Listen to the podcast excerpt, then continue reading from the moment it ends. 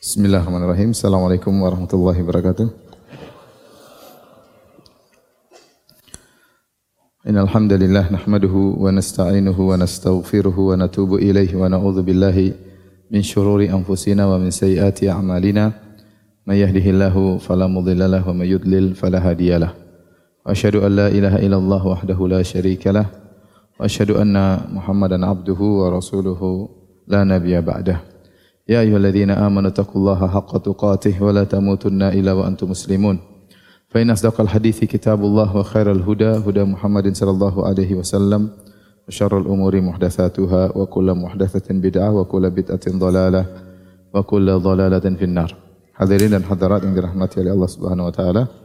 Alhamdulillah pada kesempatan kali ini kita masih diberi kesempatan oleh Allah untuk melanjutkan pembahasan dari kitab tauhid dan kita sampai pada bab ke-37 bab man ata'al ulama wal umara fi tahrimi ma ahallallahu au tahlili ma harramahu faqad ittakhadhahum arbaban min dunillah. Bab barang siapa yang taat kepada para ulama dan kepada umara kepada pemerintah dan penguasa dalam mengharamkan apa yang Allah halalkan atau menghalalkan apa yang Allah haramkan, maka sungguh dia telah menjadikan para ulama dan para penguasa tersebut sebagai arbab Tuhan-Tuhan selain Allah.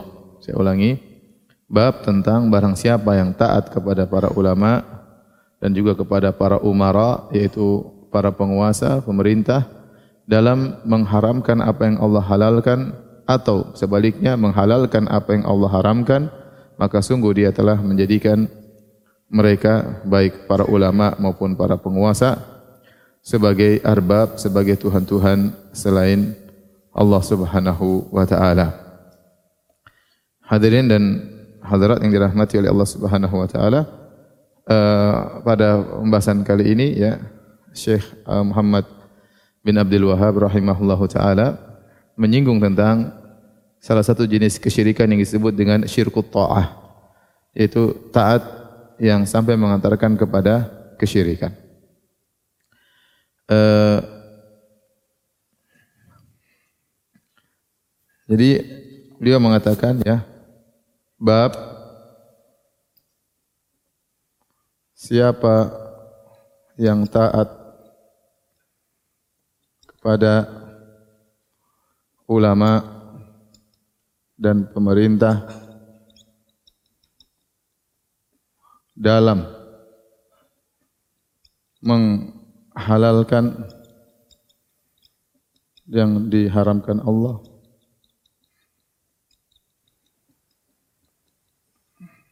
Atau mengharamkan yang dihalalkan Allah. Maka dia telah menjadikan mereka sebagai Tuhan-Tuhan selain Allah.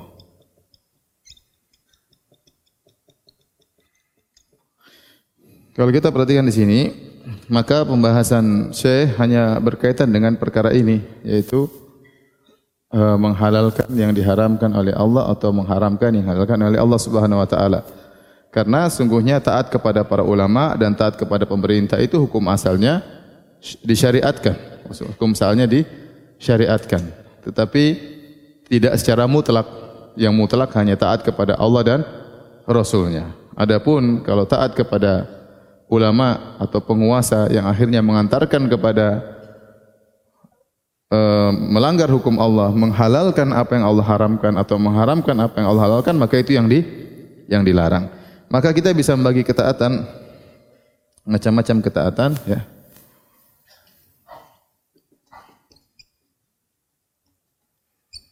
Uh, mungkin kita bisa bagi dua secara umum ya. Ada yang taat yang disyariatkan,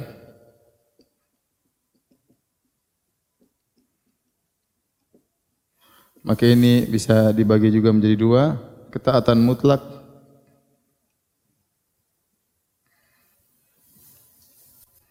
Ketaatan bersyarat.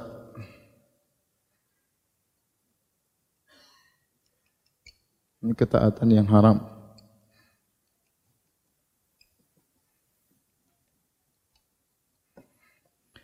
Ketaatan mutlak adalah taat kepada Allah dan Rasulnya.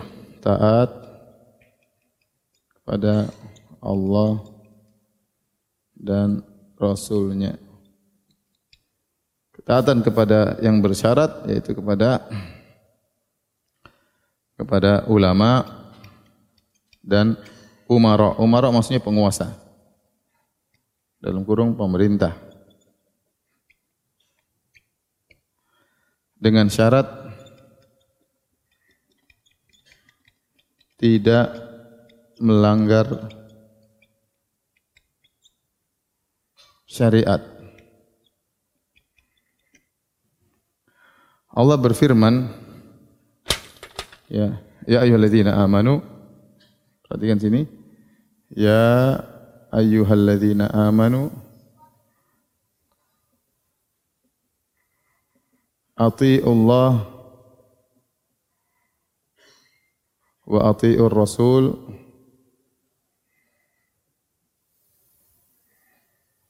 wa ulil amri minkum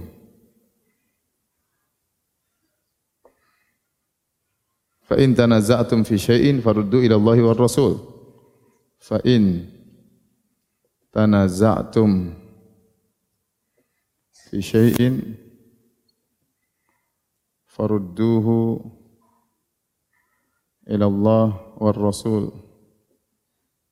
In kuntum tu'minuna billahi wal yawmil akhir. Perhatikan sini kata Allah Subhanahu wa taala, wahai orang yang beriman, taatlah ya, taatlah kepada Allah dan taatlah kepada Rasul. Allah mengulangi kata ketaatan. Taatlah kepada Allah dan taatlah kepada Rasul. Tatkala ulil amri ulil amri itu secara bahasa Indonesia artinya pemegang urusan kalian. Yang mengatur urusan apa?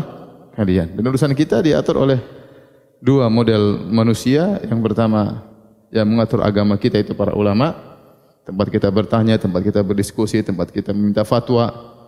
Mereka adalah para ulama dan yang mengatur urusan dunia kita secara umum yaitu apa? Pemerintah. Maka para ahli tafsir mengatakan ulil amri di sini, ulil amri di sini mencakup ulama dan pemerintah. Mencakup ulama dan pemerintah, ya. Pemerintah yang sah yang memang pantas untuk disebut sebagai pemerintah, bukan pemerintah jadi-jadian. Seperti Islam Jamaah punya pemerintah sendiri. Ngurus apa dia? Ngurus lalu lintas juga enggak ngurus, paham? Ya ngurus paspor juga enggak ngurus. Terus pemerintah apaan? Ya, nanti ada Islam apa lagi, ya? Islam khilafah apa lagi, ya? Apa itu? Itu bukan mereka, bukan pemerintah, bukan pengurus kita. Secara bahasa enggak tepat, secara syariat juga enggak benar, ya. Apa yang mereka urus? Kalau ada ribut misalnya negara lain ingin menyerang negara kita, apa yang mereka urus? Apakah mereka punya kekuatan? Ya, kemudian minta kita bayat mereka, kalau kita enggak bayat mereka, kita dianggap kafir. Itu jelas pemerintah-pemerintah ngawur ya. Keamiran-keamiran yang apa? Ngawur yang bid'ah yang hanya menimbulkan perpecahan di antara kaum muslimin. Seperti jamaah-jamaah yang ada di tanah air kita. Mereka bukan pengurus urusan kita. Faham? Pemerintah jelas, pemerintah itu yang urus kita. Entah dia baik atau enggak baik, urusan belakangan. Tetapi secara syar'i mereka itu yang mengurus urusan kita yang disebut dengan apa? Ulil amri, pemegang urusan kalian. Ya, sekarang kita ya pemerintah kita sekarang ini. Ya, kalau kita mau hajian mereka yang ngurusin, kalau kita mau ada peperangan mereka yang ngurusin, ya. Masalah keamanan mereka yang urusin, ya masalah aturan mereka yang urusin, maka mereka pemerintah, ya terlepas hukumnya benar atau tidak, tapi mereka adalah apa? Pemerintah, bukan pemerintah kecil-kecilan seperti Islam Jamaah yang kemudian menarik pajak dari rakyatnya. Negaranya juga tidak punya, numpang di negara NKRI ya. Negaranya enggak ada. Nanti muncul lagi uh, jamaah Islamiyah bikin lagi negara dalam negara Sampai ada yang sadar ketemu dengan saya, Ustaz, saya dulu gubernur Jamaah Islamiyah cabang Australia. Masya Allah. Saya bilang, ya akhi, ente Australia itu bukan gubernur. Australia itu benua. Masa penguasa Australia disebut gubernur? ya Ustaz, saya gubernur, tapi rumah saya di sana flat, apartemen saya masih sewa. Wah, gubernur apa ente kayak gini? Jadi dibuat negara dalam apa? Negara. Ini enggak benar ini. Nanti bikin lagi negara baru yang ketiga. Ya, sudah ada negara Islam jamaah, ada negara apa? Jamaah Islamiyah. Tadi negara apa enggak tahu lagi. Ya. Ini semua rusak. Ya, ini rusak ini semua. Akhirnya mereka pola pikir mereka semuanya takfiri. Untuk bisa menjaga rakyat mereka yang sedikit itu. Kenapa? Kalau kalau orang tidak membaiat sama mereka dibilang apa? Kafir. Di luar negara mereka dibilang apa? Kafir. Sampai ada yang ditawarin, eh, kamu mau enggak kerja sama-sama saya? Jadi apa? Jadi bupati. Bupatinya enggak usah baik kampanye. Bupati apa? Bupati negara gadungan tadi. Paham? Jadi mereka bukan ulil amri. Ini yang kasihan banyak orang Islam terpedaya. Kita mau tidak mau kita harus tahu bahwasanya pemerintah kita ini ulil amri. Mau dia mau enggak mau dia mereka adalah ulil apa? Amri yang memang megang urusan urusan kita. Faham? Ya, entah nanti dia salah, dia benar, itu urusan belakangan. Tetapi mereka lah ulil apa? Amri. Yang kalau orang semua ditanya siapa pemimpin kalian, kita tunjuk satu orang, ya itulah orangnya. Itulah orangnya. Mau ente suka enggak suka urusan belakang, tapi dia yang sedang menguasai apa? Sekarang. Paham sampai sini? Ya. Jadi hati-hati jangan sampai salah paham nyangka harus taat kepada amir jamaah ini, amir jamaah ini atau si amir ya. Taib. Jadi ulul amr ini diartikan oleh para ulama dalam buku tafsir ada dua ulil amri maksudnya apa? Ulama dan apa? Umara. Tatkala Allah mengatakan taatlah kepada Allah, Allah menggunakan taatlah. Taatlah kepada Rasulullah mengatakan taat. Kepada palil amri Allah tidak pakai apa? Taat. Ini menunjukkan bahwasanya ketaatan mereka tidak mutlak. Tidak apa? Tidak mutlak. Maka hanya boleh taat kepada mereka kalau tidak melanggar apa? syariat. Makanya Nabi sallallahu alaihi wasallam bersabda, "La ta'ata li makhluqin fi maksiatil khaliq. Tidak ada ketaatan kepada makhluk manapun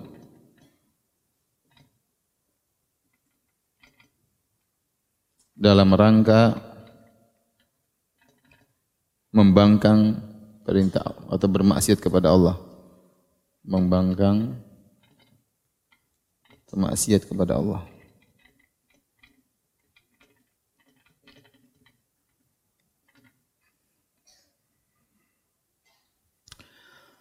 Taib.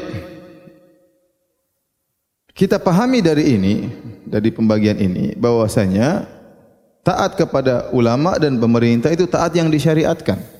Pada apa? Pada perkara-perkara yang tidak melanggar perintah Allah, faham? Oleh karenanya kalau para umara di antaranya penguasa membuat suatu aturan yang aturan tersebut tidak ada nasnya, nasnya maksudnya turun ayat secara tegas ini perkara ijtihadiyah namun tidak melanggar Al-Quran dan Sunnah dan menimbulkan kemaslahatan maka wajib bagi kita untuk taat. Yang perintah siapa? Yang perintah Allah. Karena Allah mengatakan taatlah kepada Allah dan Rasul, taatlah kepada juga ulil amri. Contoh, pemerintah bikin aturan lampu merah. Jangan seorang melanggar mana dalilnya Al-Quran dan Sunnah ada lampu merah harus ditaati. Enggak ada. Apalagi hijau boleh jalan, merah mana ada dalam? Enggak ada perinciannya dalam Al-Quran. Nabi tidak pernah merinci. Nabi saja masalah buang hajat Nabi perinci, masalah lampu merah Nabi tidak pernah perinci. Berarti enggak ada. Ente bahlul berarti. Ini perkara enggak Islam menyuruh syariat. Ya. Maslahat. Ya. Kata Nabi SAW, ihris ala ma yanfa'uk. Ya, semangatlah pada perkara yang bermanfaat bagimu. Ya. Ini namanya disebut dengan al-masalih al-mursalah. Kemaslahatan dalam Islam ini dibahas terutama ulama Malikiyah. Al-maslah ada tiga. Al-masalih ada berapa? Tiga. Bertulis di mana sini? Antum dengar aja lah ya. Ada namanya al-maslahah yang mu'tabarah. Al-maslahah mu'tabarah inda syara' menurut syariat banyak ya. Seperti Eh, solat berjamaah maslahatnya adalah untuk persatuan misalnya ya Salat Id rame-rame untuk persatuan misalnya maslahat harus ada wali nikah demi kemaslahatan sang wanita supaya tidak dikibulin sama laki-laki buaya ya misalnya maka harus ada wali yang melihat uh, calon tersebut diterima atau tidak diterima. Wanita bersafar dengan mahram. Ini ada maslahatnya namanya maslahat yang diakui oleh apa? Syariat. Bahkan ditetapkan oleh apa? Syariat. Maslahat kedua dianggap maslahat tapi mulghah. Tidak dianggap oleh syariat. Contoh babi ada maslahatnya. Kalau dimakan mungkin bisa begini dagingnya bisa buat gini. Tapi menurut syariat enggak boleh karena itu najis misalnya. Paham? Secara kita manusia mungkin ada maslahatnya. Misalnya bir, bir bisa menghilangkan stres misalnya ya. Kalau minum bir bisa menghilangkan stres, mendapatkan kebahagiaan dengan minum bir ya. Itu ada maslahatnya. Bahkan Allah mengatakan ada manfaatnya ya. Tetapi wa ismuhuma akbaru min naf'ihima. Dosanya bir dan perjudian lebih besar daripada manfaatnya. Judi ada manfaatnya, tiba-tiba kaya raya ya. Ya, tiba-tiba kaya raya. Saya pernah kenal kawan saya, saat saya dulu juara judi se Australia, masya Allah. Satu Australia saya menang waktu main judi. Ya, dia jago, duit tiba-tiba banyak. Manfaat enggak manfaat? Mungkin buat bisa hajian, bisa bagi kepada fakir miskin. Tapi manfaat ini tidak dianggap oleh syariat. Namanya maslahah mulghah. Tidak dianggap. Ketiga namanya al-masalih al-mursalah. Yaitu kemaslahatan-kemaslahatan yang dilepas oleh syariat. Tidak dibahas tidak dibahas. Maka itu kita timbang dengan apa? Syariat. Seperti lampu merah, seperti surat nikah misalnya ya. Itu enggak ada syariatnya. Secara syariat harus menikah dengan surat nikah, harus begini, harus lewat lampu merah, harus begini aturan-aturan, aturan-aturan secara umum. Maka ini ya, ini tidak mengapa dan harus taat kepada pemerintah selama tidak ada dalil yang tegas bahwasanya ini melanggar apa? syariat. Faham? Jadi kalau antum berhenti di lampu merah, ya, antum hadirkan dalam benak antum ayat ini, saya taat kepada pemerintah karena ini maslahat di lampu merah, maka antum berpahala. Dapat apa?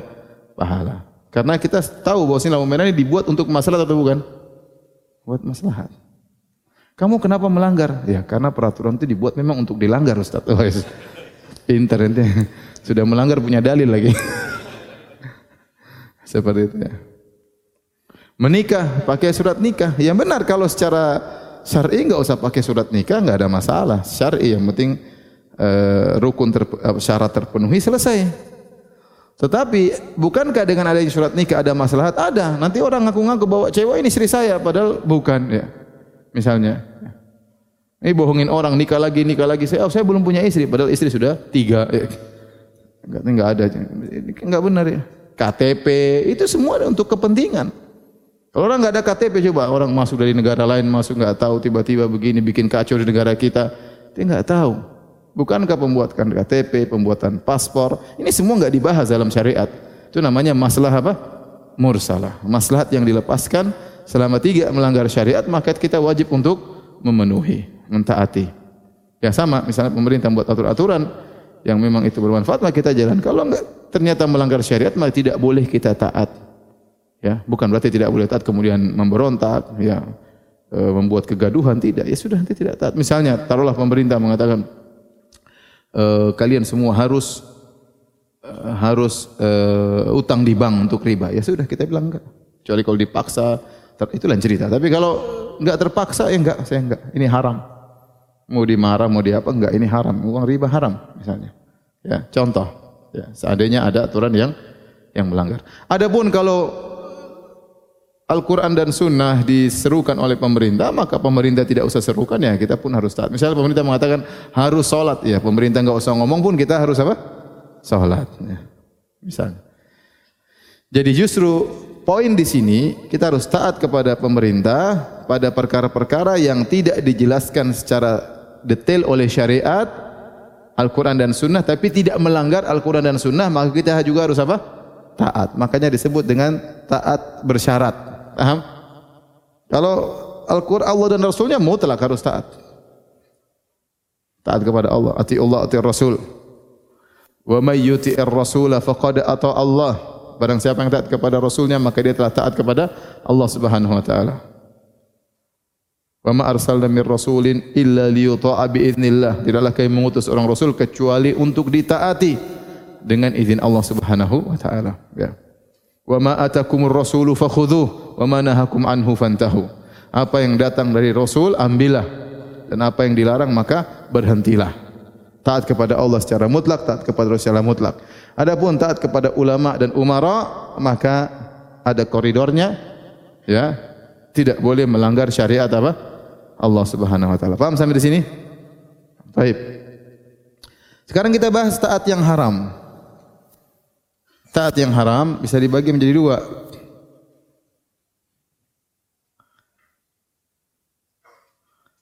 Taat yang syirik taat yang maksiat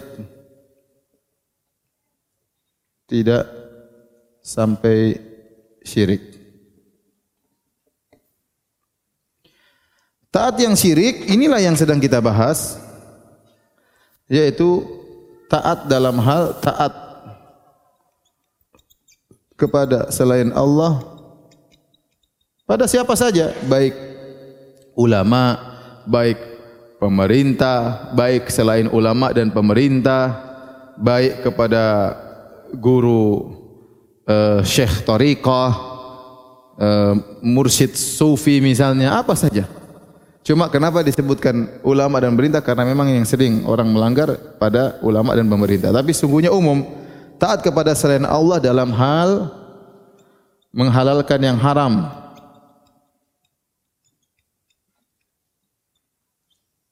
haram dan mengharamkan yang halal.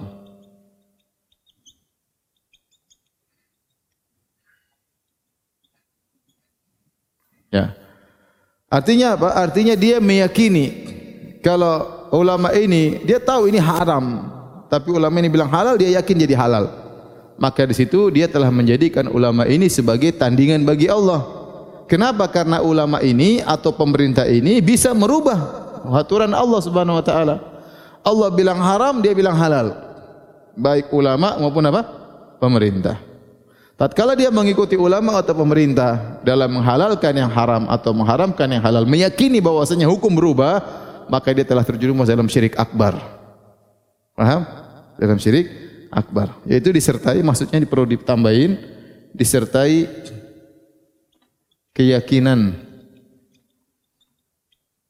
perubahan hukum tersebut.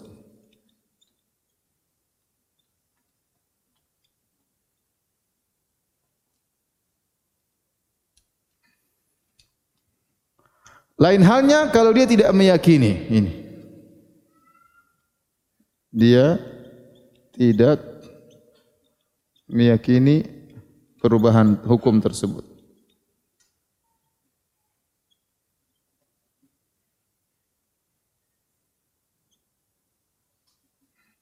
Yang dia yakini tetap hukum Allah.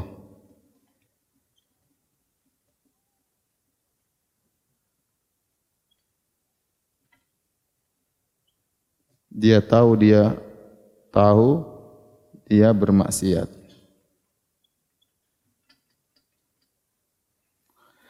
Adapun kalau dia diperintahkan oleh ulama atau pemerintah melakukan satu perkara, dia tahu ini melanggar aturan Allah, tapi dia lakukan. Dia tidak meyakini ini haram jadi halal, tidak. Dia tahu ini haram, tapi dia kerjakan saja dan dia tahu dia bermaksiat, maka itu tidak syirik.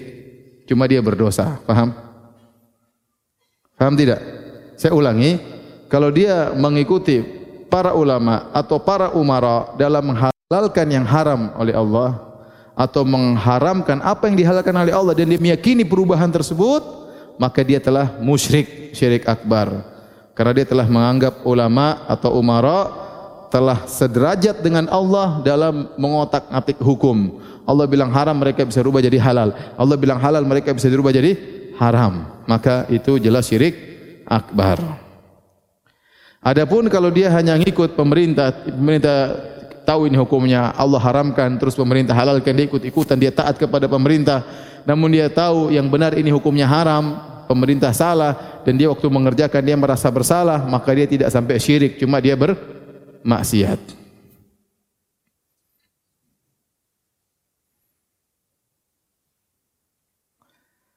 paham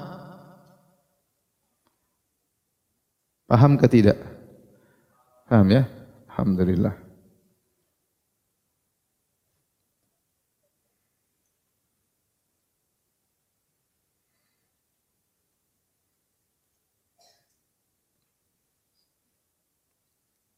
Baik.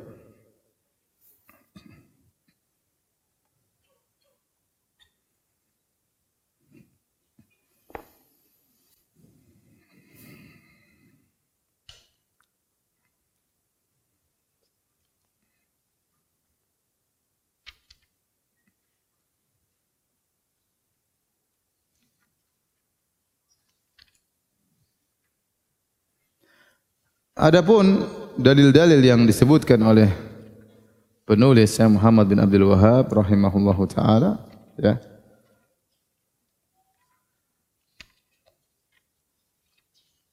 Dalil yang terakhir, buka dalil yang terakhir pada bab ini. Wa an Adi bin Hatim radhiyallahu anhu dari sahabat Adi bin Hatim radhiyallahu anhu dari Jabal At-Tai ya uh, yang sekarang disebut di Hail ya. Daerah di Arab Saudi ya. Sekitar 800 km dari Mekah ya.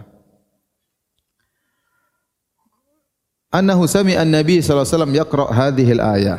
Bahwasanya Adi bin Hatim mendengar Nabi membacakan firman Allah Subhanahu wa taala surat At-Taubah ayat 31. Yang bunyinya ittakhadhu ahbarahum wa ruhbanahum arbaba min dunillah. Mereka menjadikan ahbar, ahbar itu para ulamanya, kemudian ruhban para ahli ibadahnya. Jadi di Nasara juga ada dua model, ada ulama, ada ahli apa? Ibadah. Ulama disebut dengan ahbar, ahli ibadah namanya ruhban. Ruhban.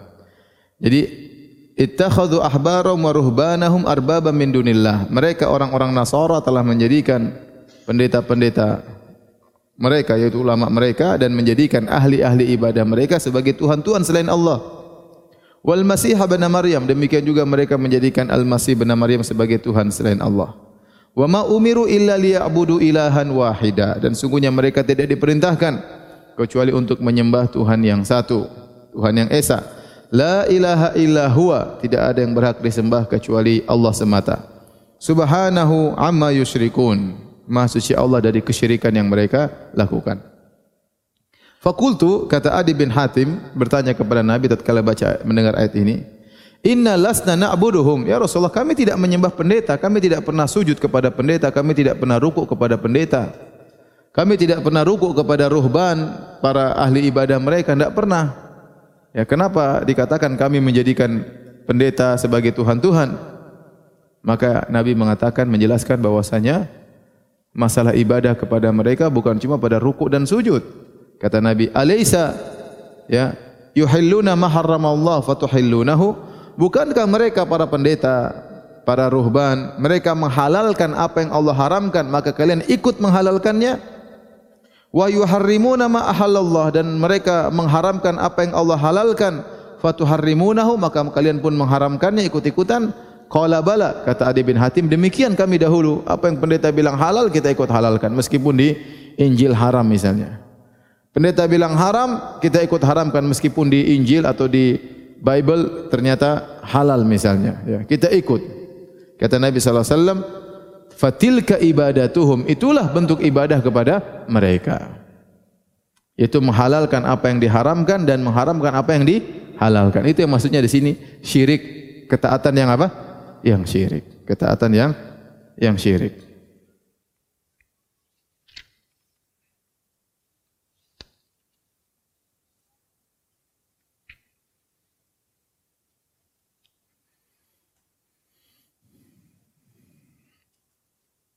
ketaatan yang yang syirik. Sama halnya misalnya ya termasuk ketaatan yang syirik dalam agama kita misalnya kita tahu bahwasanya ini haram, ulama ini bilang halal. Kita tahu ini ini enggak benar dengan enggak sesuai dengan aturan Allah, tapi kita ikut-ikutan menghalalkan. Karena mungkin kita yakin ulama ini apakah apakah kita berlebih-lebihan kepada dia mengkultuskannya berlebih-lebihan sehingga ya meskipun Allah bilang haram kalau dia bilang halal halal kita kafir tatkala itu. Kita kafir tatkala tatkala itu. Karena kita tahu dia telah merubah hukum dan kita membenarkan perbuatannya ikut menghalalkan apa yang diharamkan.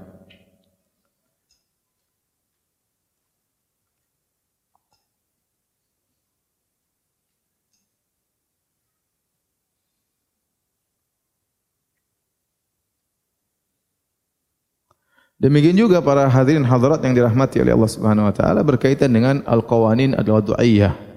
Al-qawanin al-wad'iyah maksudnya undang-undang ya yang berlaku pada satu negara yang bukan berdasarkan Al-Qur'an dan Sunnah. Ya. Jika terjadi undang-undang yang undang-undang tersebut merubah aturan Allah ya. Kemudian misalnya orang yang berzina tidak dirajam orang yang mencuri tidak dipotong tangannya misalnya. Orang yang membunuh dengan sengaja tidak dibunuh misalnya hukum-hukum hudud ya. Kemudian misalnya merubah bahwasanya pernikahan homoseksual diperbolehkan misalnya ya. Sebagian terjadi negara-negara apa? Kafir ya. Pernikahan sejenis dilegalkan misalnya. Sebagian terjadi di negara-negara kafir misalnya ya. Banyak hal hukum-hukum yang bertentangan dengan syariat Islam dikeluarkan oleh satu negara, entah negara tersebut mengadopsinya dari negara kafir atau mereka buat sendiri aturan-aturan tersebut, ini berarti merubah hukum Allah ini. Benar atau tidak? Nah, kalau kita kemudian ikut mengaminkan aturan-aturan tersebut dalam kondisi meyakini bahwasanya hukum ini bisa menggantikan hukum Allah, maka kita kafir. Berarti kita telah menjadikan para pembuat hukum tersebut sebagai tandingan bagi Allah Subhanahu wa taala arbaban min dunillah. Tetapi kalau kita misalnya terjebak dalam satu aturan dan kita mengikuti hukum tersebut, kita meyakini kita salah, ini hukum semua melanggar, ini salah. Ya. Namun saya tidak bisa berbuat apa-apa, sudah ditetapkan misalnya oleh pembuat undang-undang, ditetapkan oleh parlemen, saya tidak bisa menjalankan hukum yang lain dan saya tahu ini salah, maka dia tidak sampai syirik. Dia hanya apa? Berdosa, dosa besar. Paham? Perkaranya bukan perkara sepele. Ya. ya. Kapan kita ikut mengaminkan dengan meyakini bahwasanya ini memang undang-undang bisa menyaingi hukum Allah, sama dengan hukum Allah, bahkan lebih baik mungkin menggantikan hukum Allah dengan berbagai macam alasan bahwa hukum Allah tidak sesuai dengan zaman sekarang, maka kita telah mengambil mereka sebagai tandingan bagi Allah dan kita terjerumus dalam syirik akbar. Faham sampai sini? Tetapi kalau misalnya kita hanya mengikuti, ya karena undang berlaku seperti itu. Suatu negara kita sudah mengadopsi dari Perancis hukumnya, mengadopsi undang-undangnya dari Belanda misalnya, mengadopsi undang-undangnya dari uh, apa namanya Italia misalnya. Ya. Dari mana lagi? Dari Portugis misalnya, ya. Dan kita tahu ini melanggar, tapi ya bagaimana lagi kita enggak bisa menjalankan syariat Islam karena rakyat tidak setuju misalnya, itu lain cerita. Rakyat enggak ada yang setuju ya. Rakyat kita misalnya ternyata bukan orang Islam saja, rakyat kita ternyata plural berbagai macam agama dan kita harus mengakomodir seluruhnya, maka hukum yang berlaku tidak bisa hukum Islam misalnya. Ya ini tidak sampai pada derajat apa? Kufur. Tidak sampai pada derajat kufur. Bahkan seseorang yang kemudian masuk ingin memperbaiki hukum tersebut menjadi lebih dekat kepada hukum Islam, mudah-mudahan dia dapat pahala. Mudah-mudahan dia dapat apa? Pahala. Dia masuk dalam undang-undang, regulasi perundang-undangan. Dia tahu tidak bisa menjalankan syariat Islam karena kondisi masyarakat yang plural. Tidak mungkin. Ya, tentu kalau terjadi hukum Islam mungkin yang sebagian akan protes ribut dan yang lainnya dan negara ini berdiri asalnya bukan berasaskan Islam misalnya ya. Kemudian dia masuk dia ingin merubah hukum yang lebih condong kepada hukum Islam ya. Meskipun tidak bisa sampai pada sempurna pada hukum Islam mudah-mudahan dia dapat pahala karena dia telah melakukan nahi mungkar dan nahi mungkar dua modelnya. Bisa menghilangkan kemungkaran secara total atau mengurangi apa? Kemungkaran. Dengan dia merubah hukum yang bukan hukum Islam menuju hukum yang mendekati hukum Islam maka mudah-mudahan dia berpahala karena dia mengurangi kemungkaran. Menjadi kemungkaran yang lebih apa? Ringan. Faham sampai sini? Oleh karenanya orang yang masuk dalam uh, suatu parlemen dan mereka misalnya membuat undang-undang maka tidak bisa kita hukumi mereka secara total bahwasanya mereka kafir atau tidak kafir maka dilihat. Kalau ternyata mereka tatkala membuat undang-undang tersebut ini kejadian orang Islam ya, ya mereka dalam hati mereka meyakini bahawa ini undang-undang bisa menggantikan hukum Allah bahwasanya hukum Allah tidak cocok untuk zaman sekarang ya bahwasanya undang-undang ini bisa menyamai, ya, maka dia telah keluar dari Islam. Dia orang Islam punya keyakinan seperti itu, maka dia bukan orang Islam. Karena dia meyakini hukum Allah tidak cocok. Saya bisa gantikan hukum Allah. Ya. Maka ini keluar dari apa? Islam. Tetapi kalau dia orang Islam, dia masuk dalam parlemen, dia bikin undang-undang, dan dia tahu hukum ini bukan hukum Islam. Kemudian dia berusaha membuat hukum yang mendekati hukum Islam. Dan dia tahu ini sekedar untuk mengurangi kemungkaran, maka mudah-mudahan dia dapat pahala dari Allah Subhanahu wa taala. Perlu diketahui, undang-undang yang berlaku di tanah air kita atau negara-negara yang lainnya, banyak yang masuk dalam masalah al-mursalah. Ya, banyak masuk dalam masalah mursalah, bukan merubah undang-undang hukum Allah. Contoh masalah aturan membuat yayasan misalnya ini enggak perlu Al-Qur'an dan Sunnah, paham? Ini perkara maslahah mursalah. Yang penting aturannya jangan melanggar apa? Syariat. Misalnya bikin PT, ada undang-undangnya. E, bangun rumah, ada undang-undangnya. Ada IMB, ada ini, ada macam-macam. Ini undang-undang dibuat oleh parlemen, namun dia tidak berkaitan dengan hukum apa? Islam. Paham? Tidak berkaitan dengan hukum Islam. Maka ini semua boleh dijalankan dan mungkin ada perbedaan pendapat selama tidak jelas-jelas melanggar hukum apa? Allah. Maka itu masuk dalam masalah mursalah. Antum paham atau tidak sampai sekarang? Coba biar saya biar antum paham kita tulis kembali. Tolong dihapus. Tolong dihapus. Enggak ada yang bisa minta tolong.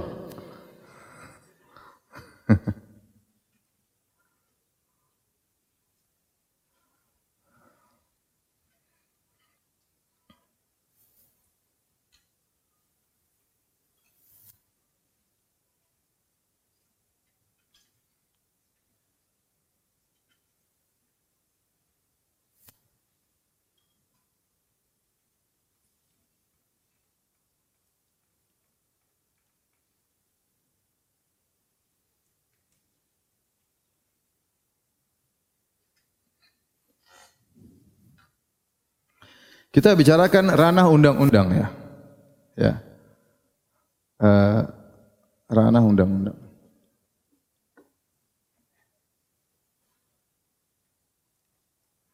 Yang ada syariatnya jelas dalam Islam. Seperti hukum hudud, seperti ya salat hukum apa? Hukum uh, rukun Islam dan lain-lain ya. kemudian yang tidak ada ada syariatnya secara tegas. Yang tadi kita sebutkan apa dengan al-masalih? Al-maslah apa al mursalah ya. Al maslahah al mursalah yang tadi kita bilang contohnya masalah apa? Lampu merah ya. Masalah UMB masalah eh, apa namanya? Surat nikah ya. KTP paham? Ya. Maka ini ya aturannya selama tidak melanggar syariat maka harus di apa? Harus ditaati. Jika melanggar syariat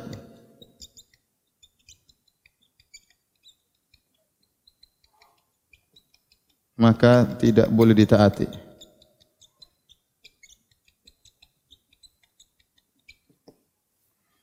Wallah alam, setahu saya undang-undang di tanah air kita ranahnya kebanyakan di sini, paham? Ranahnya kebanyakan di di sini. Adapun di sini ada sebagian hukum hudud seperti masalah mencuri, masalah membunuh, masalah orang berzina, maka memang ada perubahan dari hukum Islam. Hukum dia tidak boleh dirubah sebenarnya.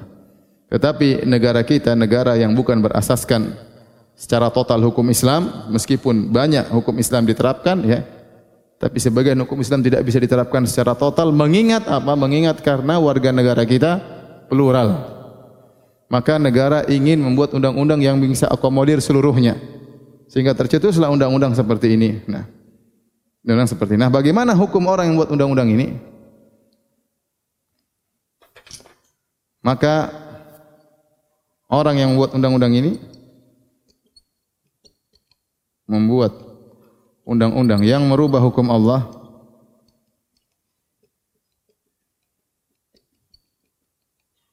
Ada berapa kondisi ya?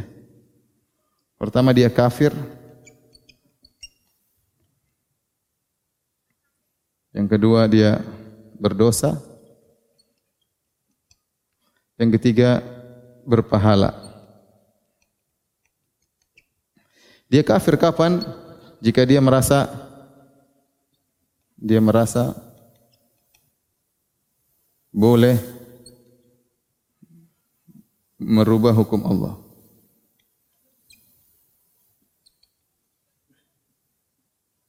Jika dia merasa hukum yang dia buat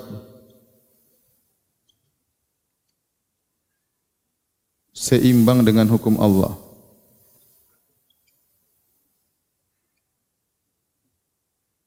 Jika dia merasa hukum yang dia buat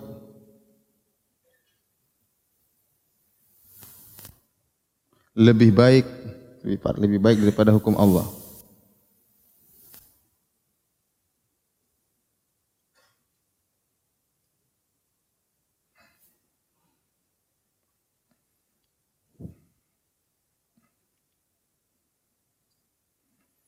Dia berdosa jika jadi saya ulangi, ada orang yang buat hukum, dia merasa ini penting bagi orang yang mungkin masuk di parlemen, ya hati-hati ya. Kalau dia membuat hukum, dia merasa hukum ini dia ngotak-ngatik ini. Ranah ini tidak boleh diotak-atik, paham? Kalau kita bicara hukum, paham? Ranah ini bebas. Ya. Misalnya contohnya bikin IMB, aturan negara ini, aturan bikin taman, aturan bikin perumahan, ini lapang untuk berubah melihat sikon, situasi dan apa? Kondisi. Karena dia tidak ada dalil yang tegas mengatur demikian. Maka ini masih fleksibel selama tidak melanggar apa? Syariat. Faham? Nah, kalau yang ini tidak jangan diotak-atik. Jangan rubah solat duhur jadi tiga rakaat. Haji jangan rubah misalnya Ka'bahnya pindah ke Bekasi. Jangan. Ya misalnya ini berkaitan dengan hukum hudud kemudian uh, apa namanya uh, rukun Islam yang ada aturan jelas maka tidak boleh diotak-atik. Contoh seperti masalah cerai ada aturannya jelas, masalah waris ini banyak ya. Seperti apa? Waris, masalah apa perceraian dan lain-lain yang ini ranahnya sudah jelas dalam apa? Islam. Maka tidak boleh diotak-atik. Ini hukum asalnya tidak boleh diotak-atik. Di otak-atik. Tak boleh dikorek-korek. Paham? Kalau ini ranahnya apa? Fleksibel. Bisa berubah. Sesuai dengan apa? Sikon. Contoh contohnya apa tadi? Contohnya apa? IMB apa? Contoh IMB apalagi aturan PT PT, yayasan misalnya, ya. Apa lagi? KTP, kemudian eh, surat nikah, ya. Antum surat nikah punya enggak? Punya. Expire atau belum? Dan lain-lain. Ini fleksibel, ini bukan ranah syariat, hanya maslahat. Paham? Baik. Ini kalau ada orang berani otak-atik, ya, maka dilihat kita tidak berbicara seperti kita di Arab Saudi yang memang sejak asalnya memang Al-Quran dan apa? Sunnah. Dan saya tidak tahu ada satu negara yang hukum asalnya diterapkan secara total Al-Quran dan Sunnah kecuali apa? Arab Saudi. Mereka dengan dengan tegas mengatakan kita di atas Al-Quran dan Sunnah. Mengenai penerapan mungkin ada ada salah, ada keliru, tapi mereka dengan tegas mengatakan demikian. Adapun selain Arab Saudi maka semuanya sama. Ya, tidak ada yang mengatakan dengan tegas hukum kita dibangun di atas hukum apa?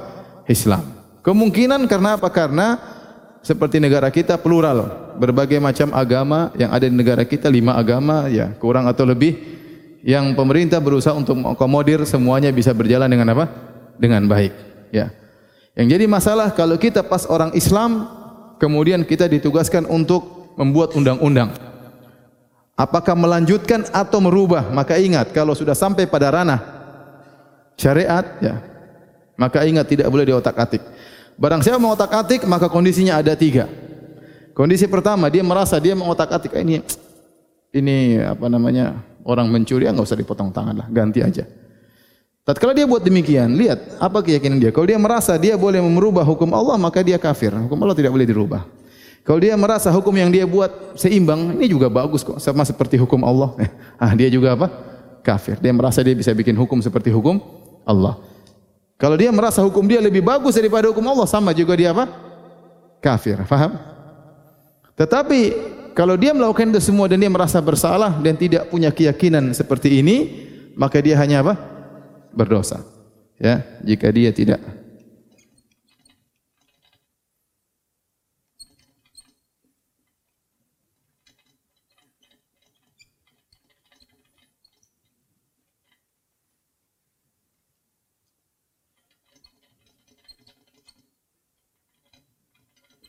Yang ketiga, bisa jadi dia berisihat berpahala jika dia jika dia memperbaiki undang-undang yang salah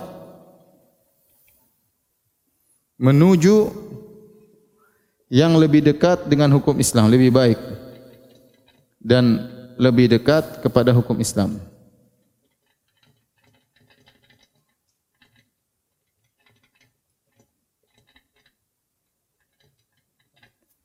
Maka mudah-mudahan dia dapat pahala. Contoh, mencuri, mencuri dalam hukum Islam dipotong tangannya. Tahu-tahu ada undang-undang tidak mencuri cuma di penjara satu bulan misalnya. Dia tahu menghukum pencuri di penjara satu bulan ini salah. Harusnya dipotong apa? Tangannya. Maka dia ingin mendekatkan kepada hukum Islam. Dia bilang enggak, jangan cuma sebulan. Suruh denda misalnya, suruh kerja misalnya agar dia apa? Agar dia jerah misalnya. Dia berisihat dan dia tahu dia salah memang. Cuma dia tidak mungkin mengatakan bahwasanya harus dengan dipotong karena tidak mungkin berjalan dalam negara ini. Maka tatkala dia merubah kepada yang lebih baik dan dia tahu memang itu juga salah tapi berubah dari yang parah menjadi kurang parah maka mudah-mudahan dia berpahala karena dia telah ber, berusaha. Paham sampai sini? Paham ya? Maka saya sampaikan orang-orang yang masuk di parlemen DPR atau MPR maka perhatikan masalah ini kalau mereka punya kemampuan untuk menuju kepada syariat yang terbaik menuju syariat Islam maka wajib bagi mereka untuk melakukan semaksimal mungkin semaksimal mungkin. Dan Allah la yukallifullahu nafsan illa wusaha. Allah tidak membani di luar apa? kemampuan. Ya, kalau tidak mampu apa semua dia kalah setelah dia memajukan ternyata kalah suara ya sudah. Mau dia apa ini? Yang penting dia sudah berusaha ya. Tapi kalau sampai dalam hatinya ada seperti ini rawan ya. Paham atau tidak? Oleh karenanya Nabi sallallahu alaihi wasallam waktu masuk ke Eh, jadi saya katakan kondisi negeri kita tidak seperti negara Arab Saudi. Makanya waktu Nabi SAW datang ke kota Madinah, Nabi SAW membuat suatu aturan undang-undang yang namanya Wasiqatul Madinah. Yang undang-undang itu tidak hanya berlaku kepada umat Islam. Karena di kota Madinah ada beberapa komunitas. Komunitas Islam, komunitas musyrikin, ada komunitas Yahudi. Maka Nabi membuat peraturan negara, istilah kita, yang mengakomodir seluruhnya dan tidak mengotak-atik peribadatan mereka. Adapun masalah orang Islam, Nabi bikin aturan sendiri antara sesama muslimin. Wasiqatul Madinah, piagam Madinah itu berkaitan dengan undang-undang kenegaraan. Bagaimana mengakomodir tiga komunitas yang ada, Yahudi, Nasrani sama musyrikin. Paham? Yahudi, Nasrani sama musyrikin. Ya. Nah, saya kalau boleh mau logikakan bahwasanya yang dihadapi oleh negara kita adalah bagaimana bisa mengakomodir seluruhnya. Tetapi bagaimanapun pembuat undang-undang waspada. Ya. Karena harusnya hukum Allah berlaku, dia rubah, maka lihat bagaimana kondisi dia jangan sampai dia terjerumus dalam kesyirikan atau kekufuran.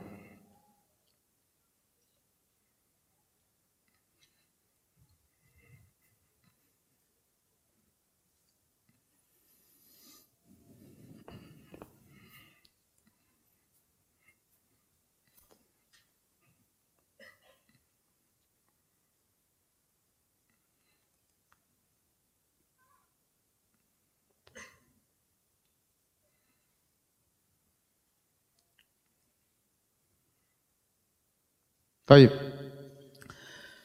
Kita lanjutkan. Dalil berikutnya.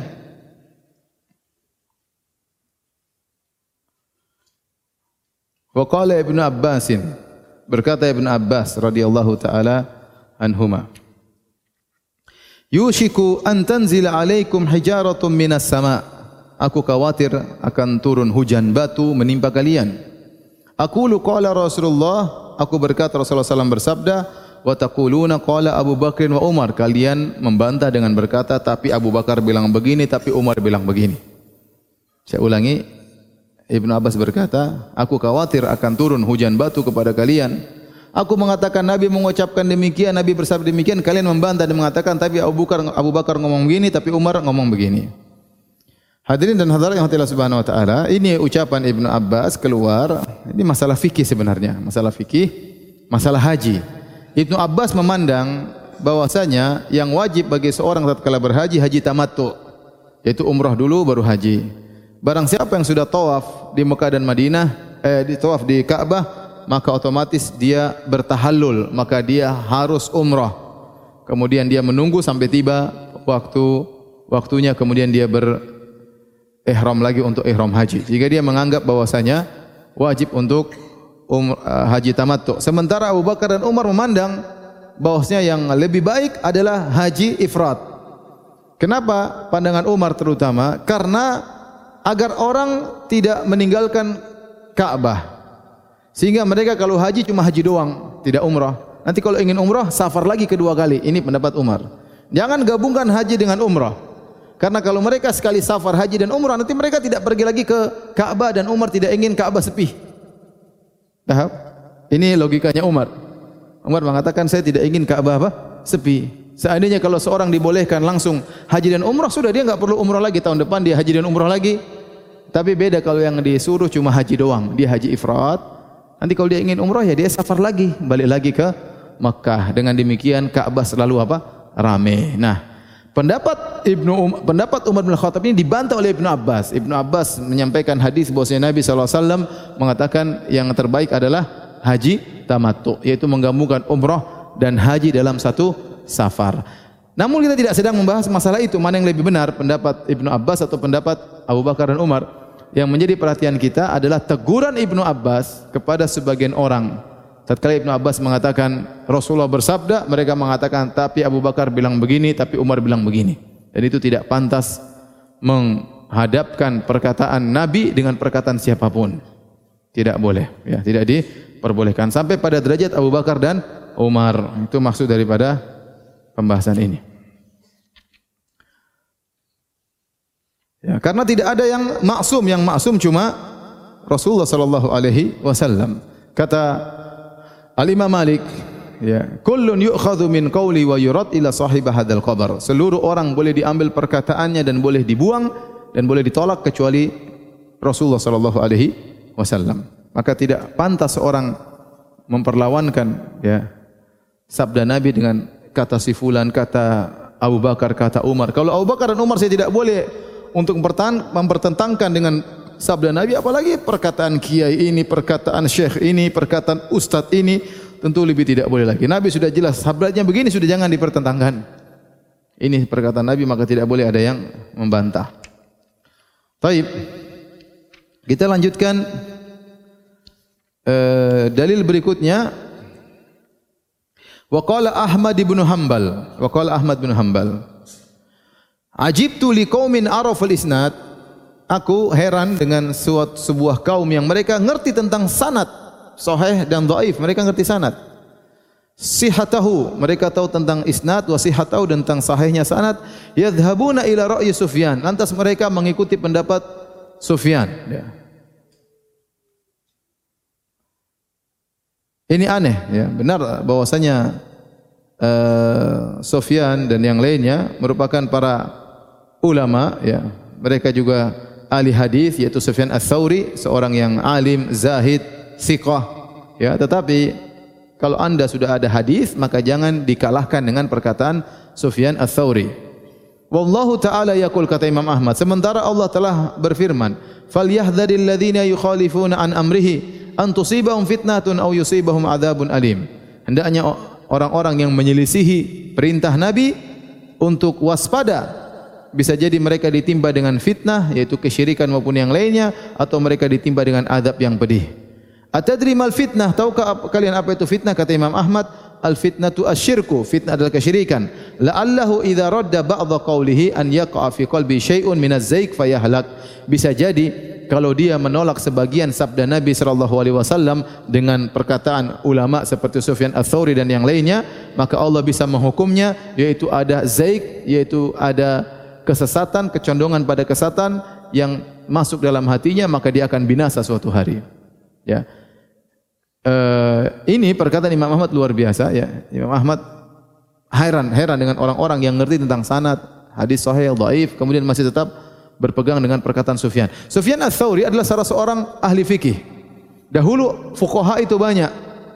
Ada namanya Abu Hanifah, kemudian Malik, Syafi'i, Ahmad dan juga ada mazhab yang lain Ishaq bin Rahuyah, ada Sufyan Ats-Tsauri, ada Sufyan ibnu Uyainah, ada Abu Thawr ya.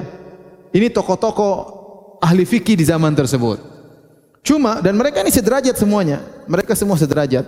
Tetapi murid-murid mereka tidak ada yang melanjutkan dakwah mereka. Sehingga ilmu-ilmu mereka hilang, tidak tersalurkan, tidak terlanjutkan kecuali empat mazhab. Abu Hanifah, Malik, Syafi'i dan Imam Ahmad. Padahal Ishaq bin Rahuya juga orang alim, gurunya Imam Bukhari, ya, luar biasa. Sufyan Ats-Tsauri juga orang alim, ya. Ibnu Uyainah juga orang alim, Abu Tsaur juga orang alim, tapi demikianlah tatkala murid-murid mereka tidak mengembangkan ilmu mereka sehingga akhirnya madrasah mereka punah. Ya. Tetapi perkataan mereka masih terus dinukil. Seperti dinukil dalam buku-buku fikih yang tebal seperti dalam Al-Mughni, Ibnu Qudamah sering menukil seperti dalam kitab Al-Muhalla dinukil oleh Ibnu Hazm kemudian sering dinukil oleh Abu Isa At-Tirmidzi dalam Sunan At-Tirmidzi menukil pendapat-pendapat mereka ini. Karena dulu pendapat tersebut seperti sama dengan pendapat Imam Syafi'i sama seperti pendapat Imam Ahmad dan yang lainnya. Cuma sekarang yang masih bertahan sampai zaman kita sekarang ini cuma empat mazhab Mazhab Ishaq bin Rahuyah sudah tidak kedengaran siapa penerusnya. Mazhab Sufyan Ats-Tsauri tidak ada kedengaran. Mazhab Zahiri juga tidak ada. Bukunya ada Al-Muhalla karangan Ibnu Hazm, tapi penerus mazhab tersebut enggak ada. Kita enggak pernah lihat di di dunia ini. Ya, ada mungkin ada seorang yang terpengaruh baca, tapi seperti madrasah ada buku-buku fikihnya yang kemudian guru-gurunya cuma empat ini sekarang. Ya, mazhab Abu Hanifah terutama di Pakistan, India, ya, Bangladesh, mazhab Abu Hanifah, di Turki mazhab Abu Hanifah, kemudian nanti madhab maliki seperti di Maghrib, di Afrika banyak madhab maliki, madhab syafi'i seperti di Indonesia, di Asia, di Yaman, madhab hambali seperti di Arab Saudi, di Najd, di Kuwait, ya ini madhab apa? Hambali. Jadi Imam Ahmad mengingkari orang-orang yang tetap berpegang dengan perkataan ulama padahal sudah ada hadis di depannya malah hadis tersebut ditinggalkan. Tolong dihapus.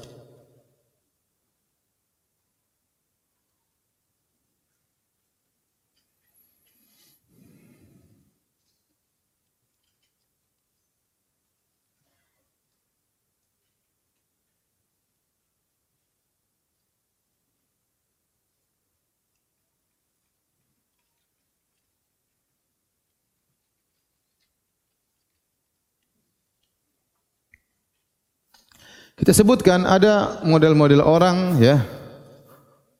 Model-model orang yang meninggalkan hadis atau nas karena mengedepankan yang lain. Mengedepankan yang lain. Di antaranya misalnya ahlul kalam. Ahlul kalam ni ahli filsafat, ahli mantik yang mereka mendahulukan teori-teori Aristoteles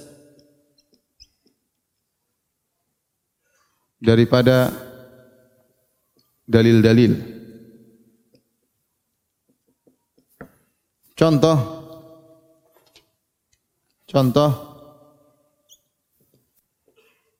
kaidah dalil al-a'rad. Ini bersumber dari Aristoteles dan ini adalah uh, kaidah yang buat mereka akhirnya menolak banyak hadis atau mentakwil ha-, banyak hadis menolak sifat-sifat Allah banyak sekali. Ini saya bahas tadi malam di Masjid As-Sunnah ya, secara akidah wasitiyah ya. Contoh, contoh lagi misalnya kaidah taqdimul aql 'ala naql mendahulukan akal daripada dalil yang disebutkan oleh Ar-Razi sebagai Al-Qanunul Kulli. Al-Qanun Al-Kulli yaitu kaidah universal. Ini kaidah sangat berbahaya kata mereka bahwasanya seluruh dalil Al-Quran dan Sunnah masih ada kemungkinan-kemungkinan adapun akal suatu yang pasti. Maka jika bertentangan suatu yang masih mungkin-mungkin dengan yang pasti maka yang pasti didahulukan sehingga mereka banyak menolak apa? Hadis nekat. Oh ini ini ini masih zon, ini masih begini, ah, ini akal yang pasti. Akal siapa? Akal mereka maksudnya. Faham? Akal mereka. Ini contoh. Contoh seperti nomor satu, nomor dua, seperti ya pentaklid syekh atau mursyid tariqah ya yang batil ini banyak. Ya, contoh, sebagian mereka tidak boleh makan uh, tidak boleh makan ikan bersisik misalnya. Ada gurunya bilang begitu. ya. Misalnya suruh bertapa, ya, nggak boleh puasa mutih misalnya. Ikut aja, ikut aja ya. Itu juga tidak benar. Padahal itu semua menghalalkan apa yang Allah haramkan, ya, atau mengharamkan apa yang Allah halalkan. Mereka berlebihan. Syekhnya suruh ini, suruh ini, mereka kerjakan, ya.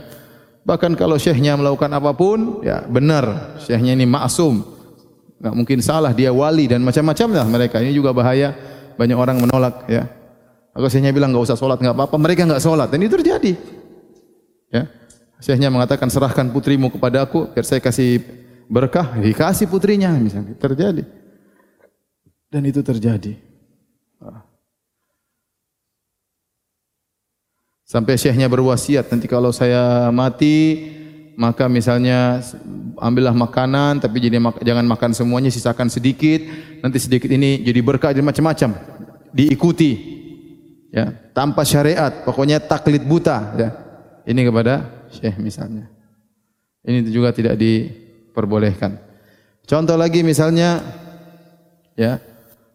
Yang ketiga taklid Madhab membabi buta.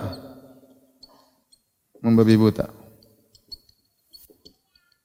Madhab itu perkara yang penting. Setahu saya ulama-ulama salaf, ulama-ulama sunnah rata-rata bermadhab. Contoh seperti penulis-penulis buku akidah seperti Abu Uthman As-Sabuni, ya, akidah ashabil hadis, akidah ashabil hadis dia bermadhab syafi'i. Contohnya Al-Imam Ibn Khuzaimah punya kitab Kitab Tauhid. Imam Ibn Khuzaimah adalah ulama syafi'iyah. Dia punya buku akidah dan dia bermadhab salaf. Contohnya Al-Muzani punya buku judulnya Syarh Sunnah. Muridnya langsung Imam Syafi'i. Dia bermadhab apa? Salaf. Ya. Nanti semua ulama-ulama penulis akidah semuanya bermadhab. Bermadhab fikih. Secara akidah mereka sama, secara fikih mereka berbeda-beda. Ada yang bermadhab Syafi'i, ada yang bermadhab Hambali, ada yang bermadhab apa? Hanafi. Contoh Ibnu Abilis Al-Hanafi punya buku syarah akidah tahawiyah. Akidahnya akidah salaf, dia madhab fikihnya madhab apa? Hanafi. Faham? Contohnya lagi, Abu Ja'far At-Tahawi. Abu Ja'far At-Tahawi punya buku Matan Tahawiyah. Secara akidah, akidah salaf, secara fikih dia bermadhab apa? Hanafi. Contohnya Imam Abu Hanifah punya buku judulnya Al-Fiqhul Akbar tentang akidah. Dia imamnya madhab Hanafi. Paham? Imam Ahmad bin Hanbal punya buku Rad ala uh, Al-Jahmiyah wa Zanadiqah. Bantahan terhadap kelompok Jahmiyah dan Zindik, ahli Zindik. Dia pendirinya madhab apa? Ham? Hambali. Contohnya Ibn Taimiyah rahimahullah bermadhab apa? Hambali. Contohnya Syekh Utsaimin, Syekh bin Bas rahimahullah semuanya bermadhab apa? Hambali. Contohnya Muhammad bin Abdul Wahab penulis buku yang sedang kita bahas. Dia bermadhab apa? Hambali. Jadi seluruh ulama bermad bermadhab. Jadi madhab itu bukan perkara yang tercela. Madhab itu bagus. Madhab fikih. Bagus membuat orang mudah untuk belajar fikih. Kalau kita bisa belajar mazhab Hambali dari awal sampai akhir itu bagus. Setelah itu baru kita kembangkan perbandingan mazhab misalnya. Seorang belajar Indonesia misalnya belajar fikih Syafi'i dari awal sampai akhir itu yang terbaik. Setelah itu malah dia perkembangkan misalnya, ya. Maka tidak boleh kita mencela orang yang bermazhab, tidak boleh. Toh ulama-ulama kita semua juga bermazhab. Yang tidak boleh adalah fanatik buta, itu yang tidak boleh. Yang tadi dicela oleh Imam Ahmad. Saya heran mereka tahu sanad sahih tidak kenapa ikut perkataan apa? Sufyan Ats-Tsauri. Oleh karenanya para ulama tidak pernah mengajarkan taklid buta. Makanya Imam Syafi'i belajar sama Imam Malik, tapi dia madhabnya bukan madhab Maliki. Faham? Padahal dia muridnya Imam Malik. Makanya Imam Syafi'i juga belajar kepada madhab Hanafi, Abdul Hasan Asy-Syaibani, murid langsungnya Abu Hanifah. Tapi ternyata Imam Syafi'i tidak jadi bermadhab Hanafi. Dia bikin madhab baru namanya madhab apa? Syafi'i. Contohnya Imam Ahmad belajar sama Imam Syafi'i, ternyata Imam Ahmad tidak jadi bermadhab Syafi'i, dia bermadhab apa? Hambali. Contohnya Al-Muzani, ya. Ada kitab fikihnya judulnya Mukhtasar Al-Muzani. Al-Muzani murid langsung Imam Syafi'i, dia menulis buku judulnya Mukhtasar Al-Muzani. Yang buku ini dia ambil dari ceramah-ceramah Imam Syafi'i yang dia dengar dan juga sebagian dari kitab Al-Um karangan Imam Syafi'i. Tapi dalam buku tersebut betapa sering dia mengatakan Imam Syafi'i mengatakan demikian, saya berpendapat lain. Imam Syafi'i mengatakan demikian, saya berpendapat yang yang lain. Tidak ada Imam Imam tidak pernah mengajar untuk taklid, tidak ada. Imam Ahmad tidak pernah mengajar taklid, Imam Syafi'i tidak pernah mengajar taklid. Abu Hanifah Malik tidak pernah mengajarkan taklid. Imam Malik yang berkata, "Kullun yu'khadhu min qawli wa yurad ila sahib hadzal qabr." Semua orang boleh diambil perkataannya boleh dibuang kecuali Nabi. Maksud saya juga demikian. Perkataan saya boleh kalian ambil, boleh kalian buang kecuali Nabi kata Imam Malik rahimahullahu taala. Yang tercela adalah fanatik madhab yang membabi buta yang tidak boleh. Contoh, ente tidak boleh keluar dari madhab Syafi'i sama sekali. Oh enggak boleh. Apakah Imam Syafi'i Nabi? Bukan. Kalau dia bukan Nabi, dia mungkin salah atau tidak? Mungkin. Oh buktinya murid-murid menyelisih dia, murid-muridnya langsung menyelisih dia. Kenapa kamu harus mewajibkan saya harus ikut madhab syafi'i dari A sampai Z? Itu tidak benar kalau begitu. Ya kita bilang ente belajar bagus, tapi tidak, boleh mengatakan harus, tidak boleh wudumu, solatmu semuanya tidak boleh keluar di madhab syafi'i itu tidak benar. Seakan-akan Imam Syafi'i adalah seorang yang maksum tidak punya salah. Wong Imam Syafi'i saja merubah pendapatnya, tatkala beliau di Baghdad ada namanya Qaulul Qadim, pendapat lama. Waktu beliau pindah ke Mesir, Qaulul Jadid, pendapat baru. Dia saja merubah pendapat. Dia tidak pernah merasa dirinya sebagai seorang yang maksum. Imam Ahmad dalam satu permasalahan terkadang empat riwayat.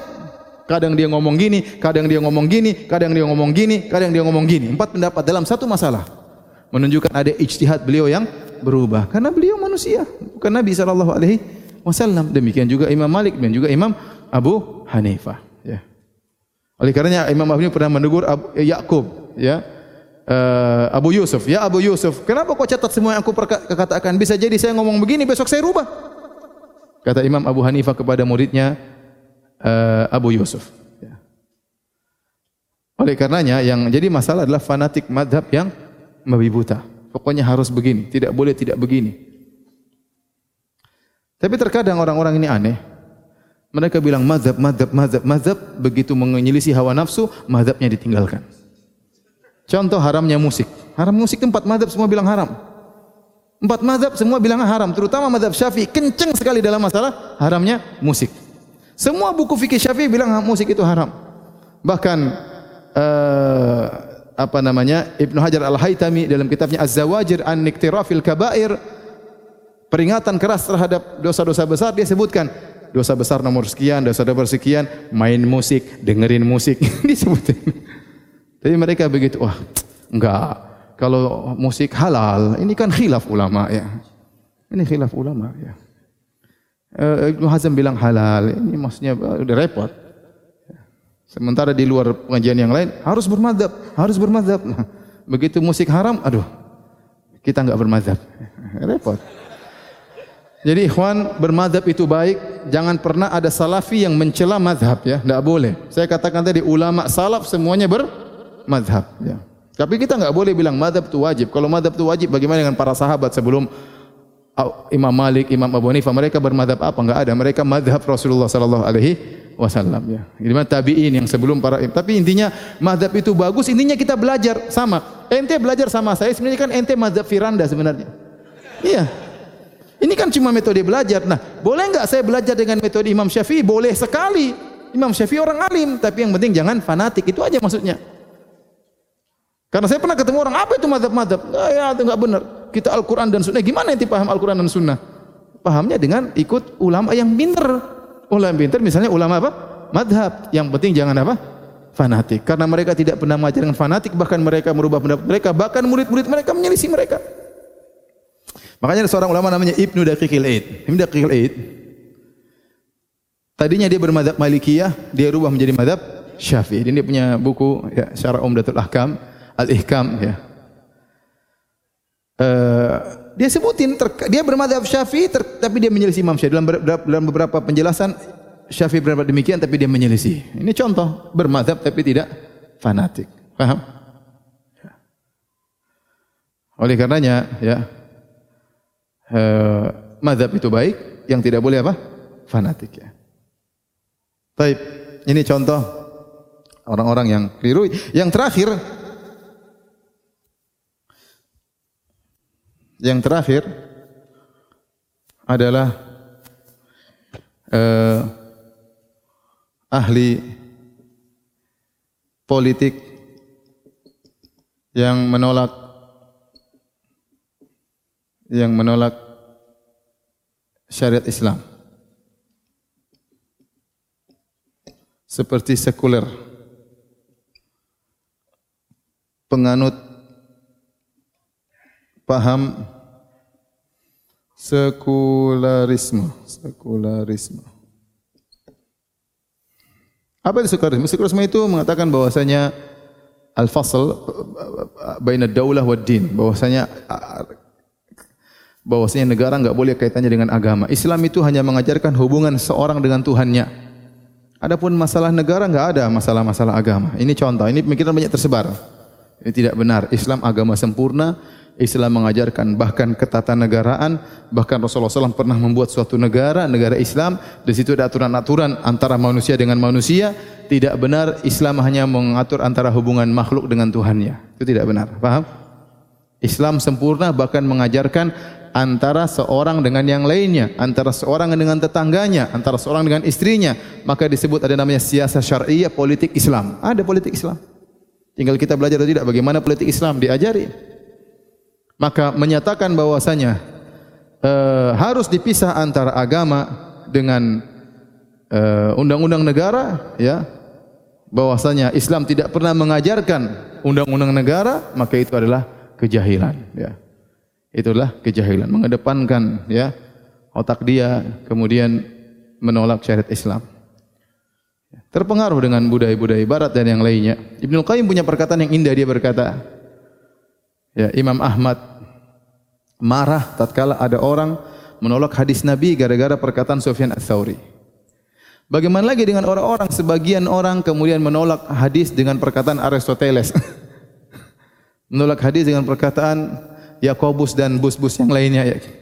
Menolak hadis dengan perkataan orang-orang kafir. Waliyadzubillah ya.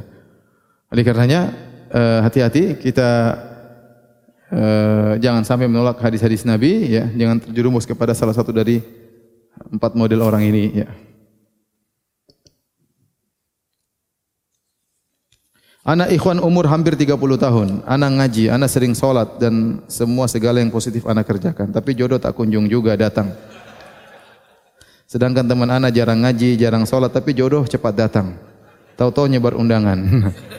Ada orang lagi bilang, Ustaz saya rajin ngaji, saya rajin sholat, tapi saya miskin. Ada orang kafir kaya Ustaz. Eh, kira-kira begitu. Ya. Bukan berarti jodoh itu hanya diberikan kepada uh, harus diberikan kepada orang yang soleh ya.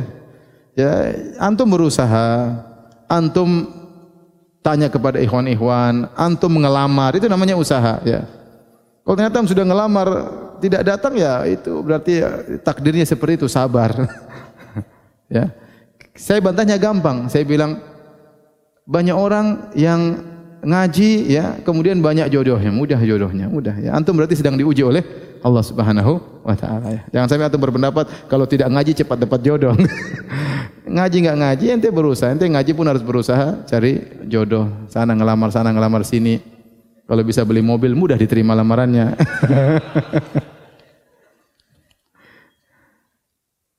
Tapi demikian saja kajian kita. Ya. Saya masih ada kajian berikutnya ya. Subhanakallah bihamdik la ilaha illa anta. Assalamualaikum warahmatullahi wabarakatuh.